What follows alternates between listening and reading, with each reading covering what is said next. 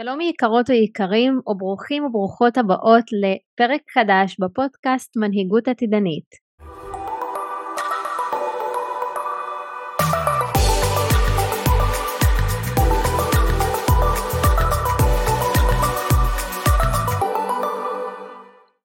מקווה שאני פוגשת איתכן ואיתכם בטוב. והיום בפרק שלנו אנחנו הולכות והולכים לדבר על משהו מעניין. אבל רגע לפני, אם אתם חדשים כאן, מנהיגות עתידנית היא תוכנית שנועדה לעודד אתכם ואתכן לחקור את עולמכן הפנימי והחיצוני בסקרנות, לשבור תבניות ישנות וליצור חדשות שמתאימות אך ורק עבורכם, לאפשר לכם לשאוף ולחלום בגדול, להחיות את המנהיגות שקיימת בנשמה שלכם, ברוח שלכם, ולחיות את החיים יותר בזרימה, ויחד עם זאת עם אסטרטגיה תודעתית ומעשית אל עבר הגשמת החלומות שלכן ושלכם. אני המנחה שלכן ושלכם דוקטור מרווה אזם, חוקרת מוח ותודעה ומלווה תהליכי פיתוח מנהיגות אישית ועסקית באמצעות מודל שנקרא one recode שמבוסס על הפרוטוקול הטיפולי שפיתחתי למניעת ירידה קוגניטיבית והיפוכה אה, בו אני ממש משלבת בין עולם המדע לתודעה ורוחניות מעשית וזה מה שמעסיק אותי בשנים האחרונות, אני חוקרת וחיה על פי האינטגרציה הזו, לאורך כל המסע שלנו גם אה, כאן אה, בפודקאסט אני הולכת לחלוק איתכן ואיתכם ידע ופרקטיקות על החיבור בין עולם המדע לעולם התודעה והרוח ואתם תראו איך הכל מסתנכרן בהרמוניה שמאפשרת לנו ליצור את החיים שאנחנו רוצות ליצור לעצמנו. בצורה אה, מנהיגותית שמבוססת ממש הוויה וערכים בכדי להשפיע ולהשאיר את החותם שלנו בעולם. אז אם מצאתן או מצאתם ערך בפרק הזה, הכי אשמח בעולם שתחלקו אותו ותפיצו את הטוב הזה הלאה לעולם. והיום אנחנו נדבר על נושא שקרוב ללב שלי. לאחרונה כן הנושא הזה מתחיל להיות מדובר, אבל זה לא מספיק לצערי, כי ככל שאני פוגשת נשים ואנשים, אני מגלה מחדש כמה אנשים לא מבינים ולא יודעים את החשיבות של עבודה עם רגשות וככל שהם רוצים ומבינים איך לעשות את זה בצורה יותר נכונה זה פותח להם עולם חדש לגמרי. העניין הוא שרובנו הורגלנו להרגיש מהשכל וזה לא להרגיש באמת. כשאנחנו אה, מגיעות ומגיעים למצב שאנחנו מבינים את הרגש אבל לא מרגישים אותו זה אומר שאנחנו לא באמת מחוברים אליו ואני מלמדת את האנשים איך להרגיש והם מתאמנים על להרגיש את זה ולאפשר לעצמם מרחב לרגש ובכדי להיות מנוע חזק ביצירה של ההשפעה ממקום שהוא מאוזן ומדויק יותר.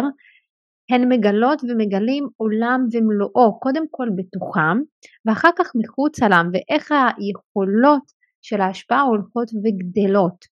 וכשהתחלתי לכתוב את התוכן של הפודקאסט על רגשות יצאו לי בערך 74 עמודים והבנתי שזה יכול להיות קורס שלם אה, שאני יכולה להוציא החוצה ואין לי את היכולת להעביר את זה בפרק אחד.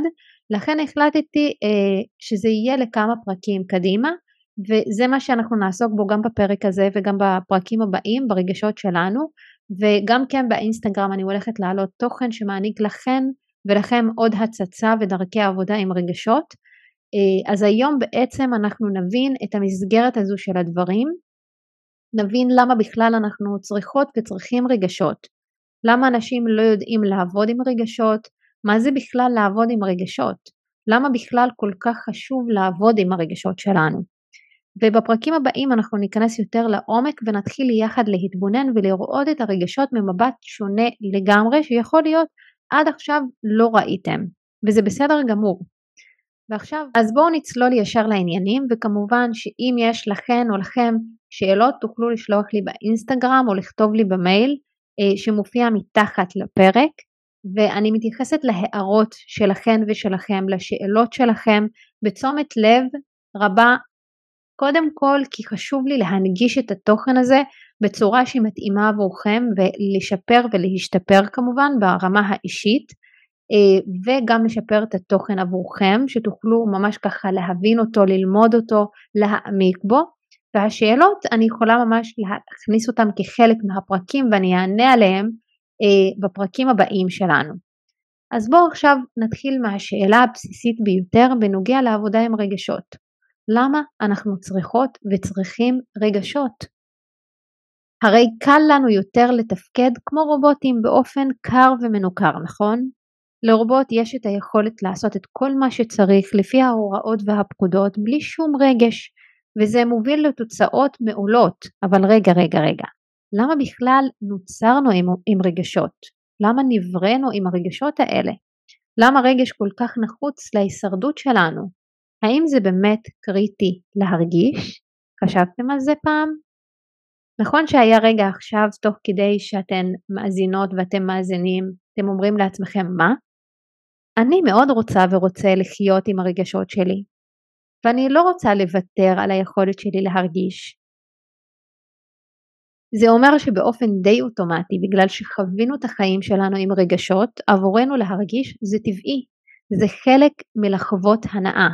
יחד עם זאת, אנחנו רוצות ורוצים לחשוב רגע ברמה הלוגית. רובוט אין לו רגש, אז אין לו את הצורך להרגיש או ליהנות. לכן זאת הזדמנות רגע להרהר בשאלה הזו, למה אנחנו צריכות וצריכים רגשות? תכף גם ניכנס יותר לעומק ונכון חלק מהסיבות הוא הנאה, אבל זאת לא הסיבה העיקרית. יש ארבע סיבות חיוניות, כלומר הכרחיות לקיום ולחיים שלנו, מכיוון שהמוח שלנו בראש סדר העדיפויות שלו, שנוכל לשרוד כמה שיותר זמן, וכל עוד לא נוכל לספק את מה שחיוני לנו והכרחי לקיום שלנו, לא נוכל לחוות הנאה כפי שאנחנו חושבים שאפשר. וככל שנכיר את היכולות שלנו, את הרגשות שלנו, נוכל לעבוד עם הרגשות בצורה נכונה יותר ולהתעלות גם מעל הלוגיקה והמוח כי זה חלק מהעבודה גם של הרגשות, ומעל הגוף והרגש עצמו, בכדי שאנחנו נייצר את החיים שאנחנו רוצות עבור עצמנו. את זה אני אסביר בהמשך בפרקים הבאים, ואתם תבינו למה אני מתכוונת, כי זה חלק גם מהמודל אה, הטיפולי שלי. עכשיו גם בואו נתייחס לסיבה הראשונה. רגשות הם הדלק שמניע אותנו, הם הדלק שמניע את היקום כולו. רגשות מחוברים למהות שלנו, לנשמה שלנו, ללמה בכלל אנחנו פועלות ופועלים.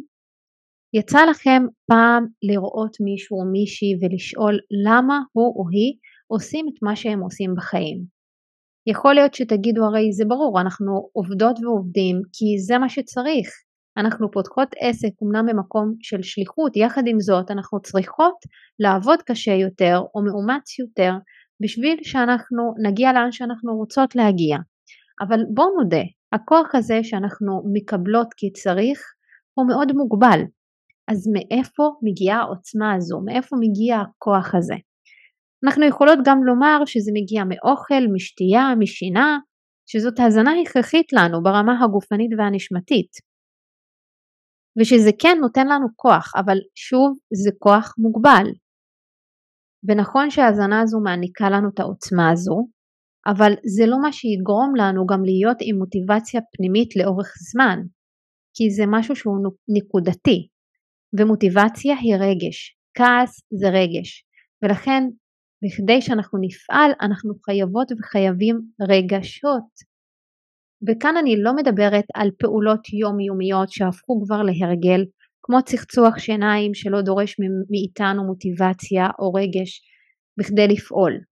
אבל אה, כדי להיות אישה עצמאית ויזמית עם עסק, שזה לגמרי בעיניי כמו גידול ילדים, זה דורש הרבה מאוד רגשות שיניעו אותנו לאורך כל הדרך. ואני רוצה רגע שנדמיין יחד הצעת עבודה למישהי מאוד מוכשרת ומבריקה, שבאו ואמרו לה, זאת העבודה שאת הולכת לקבל ובמהלך השנה הראשונה את כנראה לא תשני הרבה בלילה. את תהיה אחראית על כל מה שתינוק קטן צריך במשך כל היום וככל שהוא יגדל את תצטרכי להתאים את עצמך ולקבל החלטות חדשות שלא קיבלת עד עכשיו. ויכול להיות שרמת התגמול שלך בשנתיים הראשונות תהיה מאוד מאוד נמוכה. אז מה אתם חושבים וחושבות? היא תסכים לקבל את העבודה? סביר להניח שלא. כשאנחנו יוצאות לעצמאות לפתח מיזם משלנו, זה כמו להביא ילדים לעולם. זה משחק לנו על מיתרי הרגש. זה מה שמניע אותנו בעצם לפעול. ולא רק לפעול, אלא לפעול אקסטרה למה שאנחנו היינו יכולות לפעול ללא רגשות. ולכן תמיד כשאנחנו מתחברות ללמה שלנו, למשמעות שלנו, אנחנו מתחברות לרמה של הערכים ושל הרגשות שלנו. וכאן אני רוצה לחזור רגע לשאלת הרובוטים שלנו. אם היינו רובוטים, אופן הפעולה שלנו הרי היה מוגבל והרגשות הם טורבו שמאפשר לנו לפעול אקסטרה מעבר למה שחשבנו שאנחנו יכולות ויכולים. ושבוע הבא אנחנו נדבר גם על כעס שנותן לנו הרבה אנרגיה כדי שנפעל כי ככה אנחנו נוכל לשנות הרבה דברים בחיים שלנו. הרי תחשבו כמה אנרגיה וכוחות אנחנו נדרשות ונדרשים כדי לדבר או לצעוק על מישהו. הרבה מאוד. ובתכלס ביומיום אין סיבה שנעשה את זה. אבל כשאנחנו מקבלות ומקבלים דחף של אנרגיה שמגיעה מרגשות, רגש הופך להיות בטריה שממש מניעה אותנו לפעולה. ואם נתבונן גם במנהיגים שהשפיעו ומשפיעים בעולם, שיש להם רעיון או חלום, הם מחוברים אליו רגשית. הם מוציאים את עצמם עם הרבה יותר עוצמות וכוחות לפעול ולקדם את הרעיון שלהם. ולא, זה לא כוח רצון, זה כוח החיבור למשמעות ולרגשות, כי הרגשות הם המנוע. ולא, זה לא אומר שאנחנו צריכות וצריכים לעבוד מסביב לשעון כשאנחנו מחוברות רגשית למה שאנחנו עושות ועושים. אנחנו יכולות להיות הרבה יותר אפקטיביות ולעבוד ברמה מאוזנת, ברמה הרגשית וגם ברמת העשייה שלנו.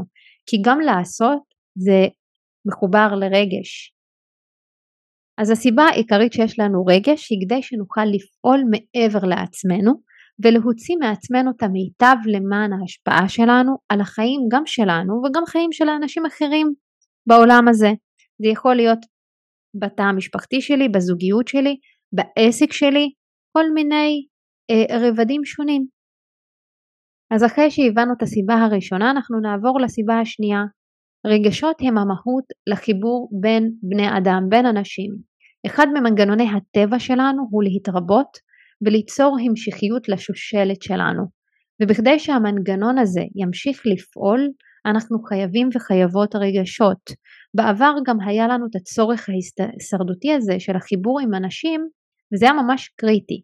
כי אם את או אתה חיים לבד, זה אומר שאנחנו לא, שאנחנו לא יכולים לשרוד.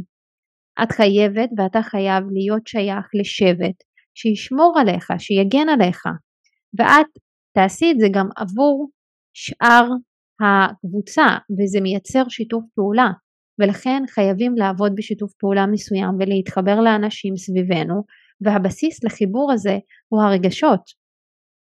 אפשר גם לראות היום שאנשים שפחות מחוברים לרגש הרבה יותר קשה להם להתחבר לאנשים.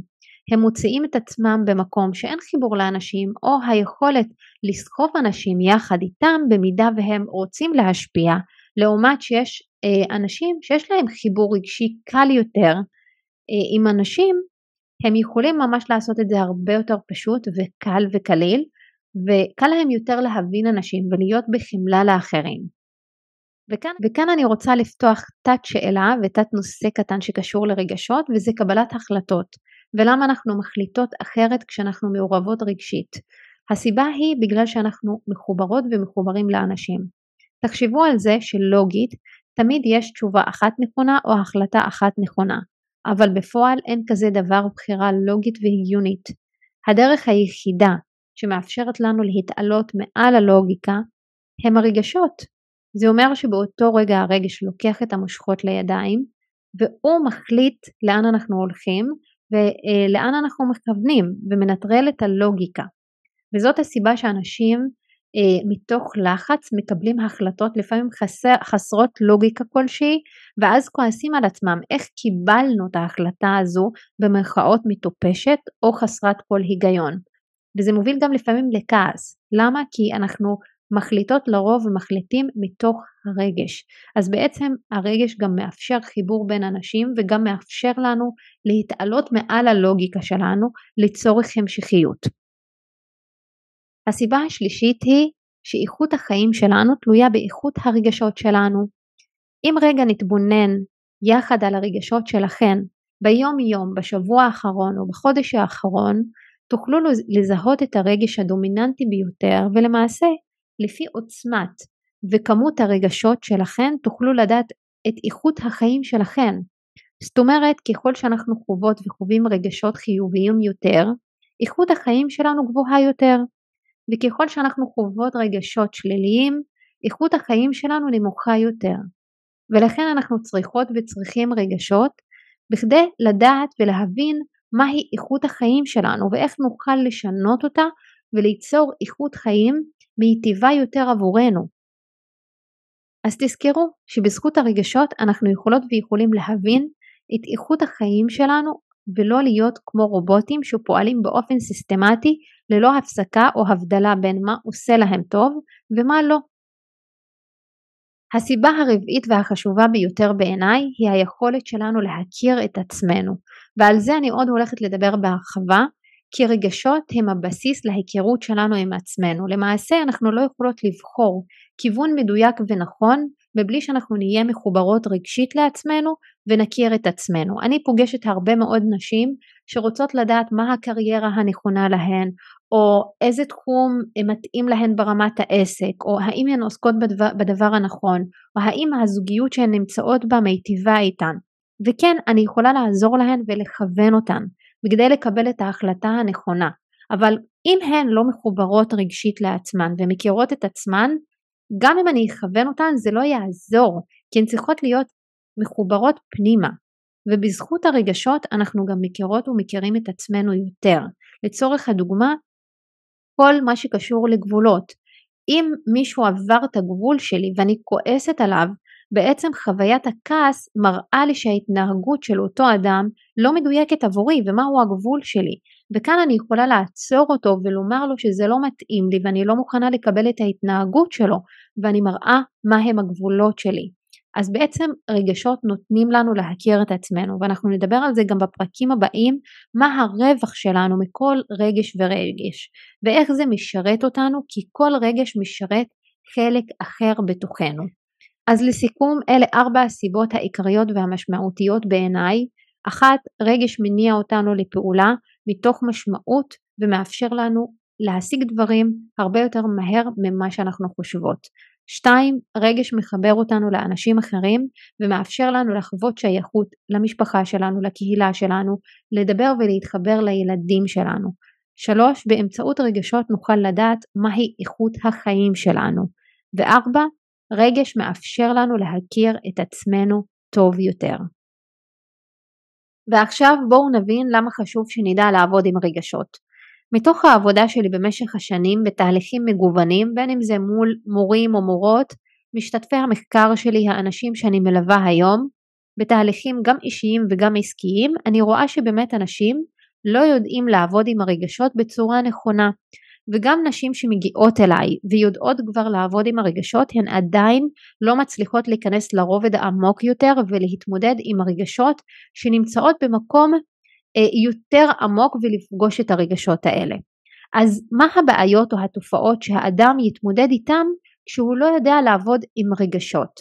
בחרתי חמש uh, תופעות או בעיות עיקריות כי באמת יש כל כך הרבה שאני יכולה לעשות פרק שלם על זה. אז הבעיה הראשונה או התופעה הראשונה שאני רוצה לדבר עליה זה חוסר ההבנה והידיעה מה באמת אנחנו אוהבות ורוצות.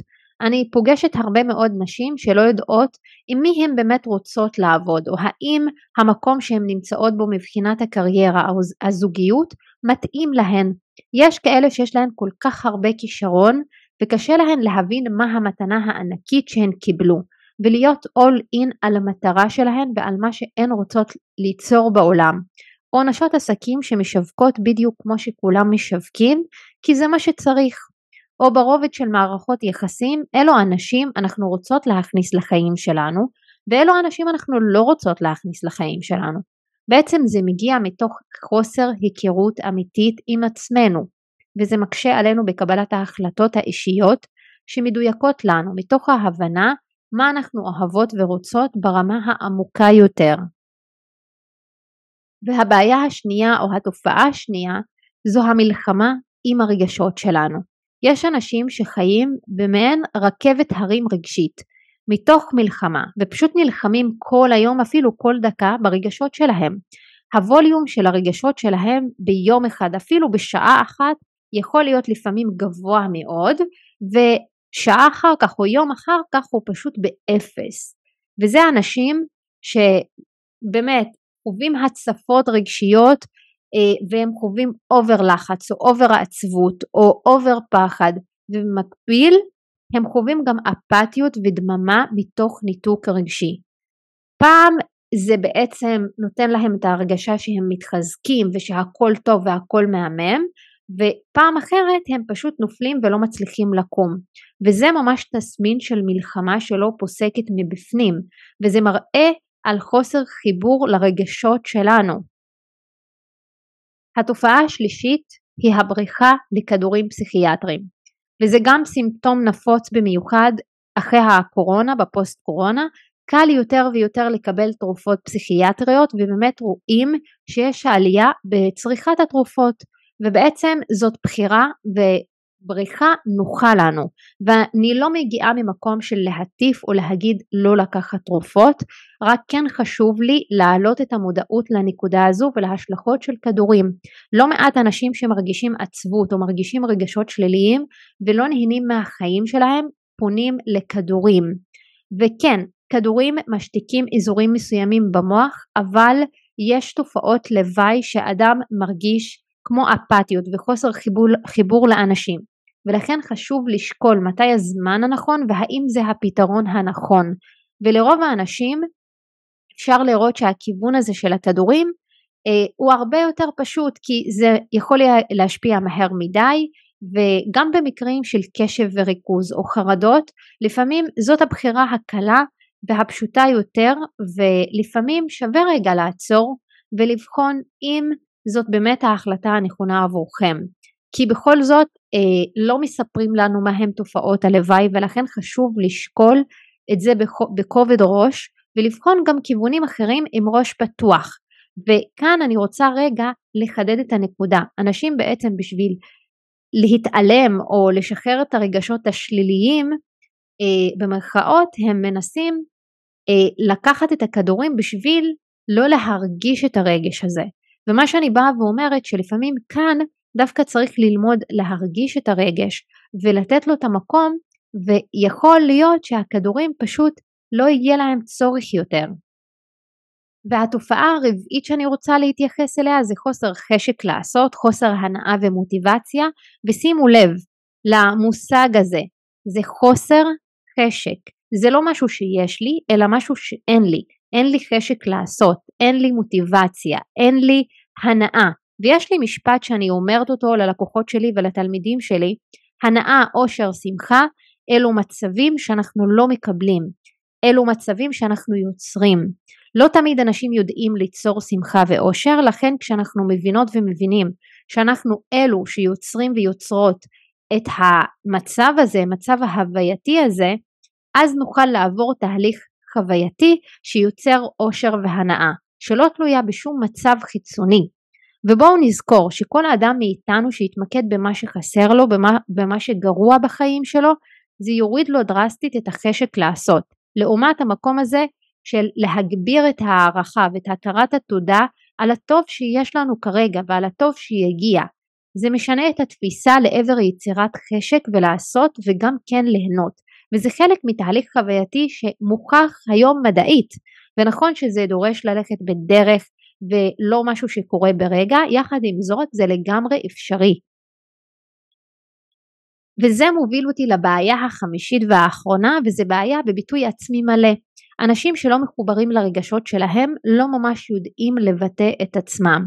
כי כבר אמרנו, רגש עוזר לנו לבטא ולהכיר את עצמנו. אז אנחנו יכולות ויכולים ממש להקשיב לרגשות ולדעת שזה מפריע לי וזה לא מתאים לי וזה כן מתאים לי למשל. ואז אני יכולה לבטא ולתקשר את מה שיש לי מבפנים כי אני מחוברת לרגשות שלי. ואז אנחנו בעצם יכולות לראות שאחת הבעיות שאנשים שלא מחוברים לעצמם זה החוסר בביטוי אישי אותנטי בעיקר ובאמת אה, קשה להם להוציא החוצה את מה שהם מרגישים או חווים בכלל. לכן אם נסכם את חמשת התופעות ויש עוד הרבה יותר מכך, כמו תסמינים פיזיים כי הגוף שלנו הוא בסופו של דבר מצפן שמלמד אותנו הרבה מאוד על הרגשות שלנו והחלטתי היום פשוט להתמקד בחמש משמעותיות. אז הראשונה זה לדעת מה אני באמת אוהבת כדי לקבל את ההחלטות האישיות שלי, שתיים להפסיק להילחם ברגשות ולשלוט בהם ולהפוך אותם למשהו אחר ואז הרגשות מכניסים אותי לרכבת הרים של או יותר מדי עצב והגזמה רגשית או יותר מדי אפתיות וניתוק רגשי וזה מצב של חוסר איזון. שלוש, חוסר חשק לעשות, חוסר הנאה ומוטיבציה. ארבע, הבריחה וניסיון להדחיק את הרגשות שלנו על ידי אה, לקיחת כדורים אה, פסיכיאטריים בגלל שאנחנו לא נרגיש את הרגש. חמש, בעיות בביטוי עצמי ואישי מלא והתקשורת שלנו לרגשות שלנו. שימו לב גם שאני לא אומרת לשלוט ברגש, כי רגשות זה לא משהו ששולטים בו וזה משהו שעובדים איתו. ואם נקביל את הרגש לאדם אנחנו לא יכולות ויכולים לשלוט באנשים ולא משנה כמה נרצה וננסה הם לא יכולים להיות שליטים שלנו. אנחנו יכולות להניע אנשים, לעבוד עם אנשים, לנהל אנשים, אבל לשלוט בהם זה בלתי אפשרי. לכן המושג לשלוט ברגשות הוא לא מושג בריא ונכון. ואני אוהבת יותר דווקא להנהיג יחד עם הרגשות שלי, כי זה חלק אה, מהצוות שלי. ואני לא מעוניינת להיכנס למלחמות אה, עם הרגשות, אני רוצה לעבוד נכון עם הרגשות, כמו שאני אוהבת לעבוד נכון עם בני אדם. אז עד עכשיו זה היה פרק המבוא. כדי לדעת להנהיג את הרגשות שלנו ולעבוד איתם. בשבוע הבא נבין למה אנשים לא יודעים לעבוד עם רגשות וברמה הפרקטית נלמד את הרגשות שלנו. האם יש דבר כזה רגשות שליליים? כבר מגלה לכן ולכם שאין דבר כזה רגש שלילי ונבין יחד מה זה רגשות שליליים ונתחיל להסתכל אחרת על כל נושא הרגשות כי זה בסופו של דבר מה שמניע אותנו. ואם אהבתם את הפרק אני אשמח שתשתפו אותו בכל דרך אפשרית לאנשים שזה יכול לתרום להם באינסטגרם, בסטורי, בפייסבוק ולתייג אותי כמובן. מעבר לכך, אתן ואתם מוזמנות ומוזמנים לעשות subscribe לפודקאסט ולהגיב לי כאן מתחת לפרק. תודה רבה על ההאזנה, שיהיה לנו שבוע טוב וניפגש שבוע הבא בפרק חדש.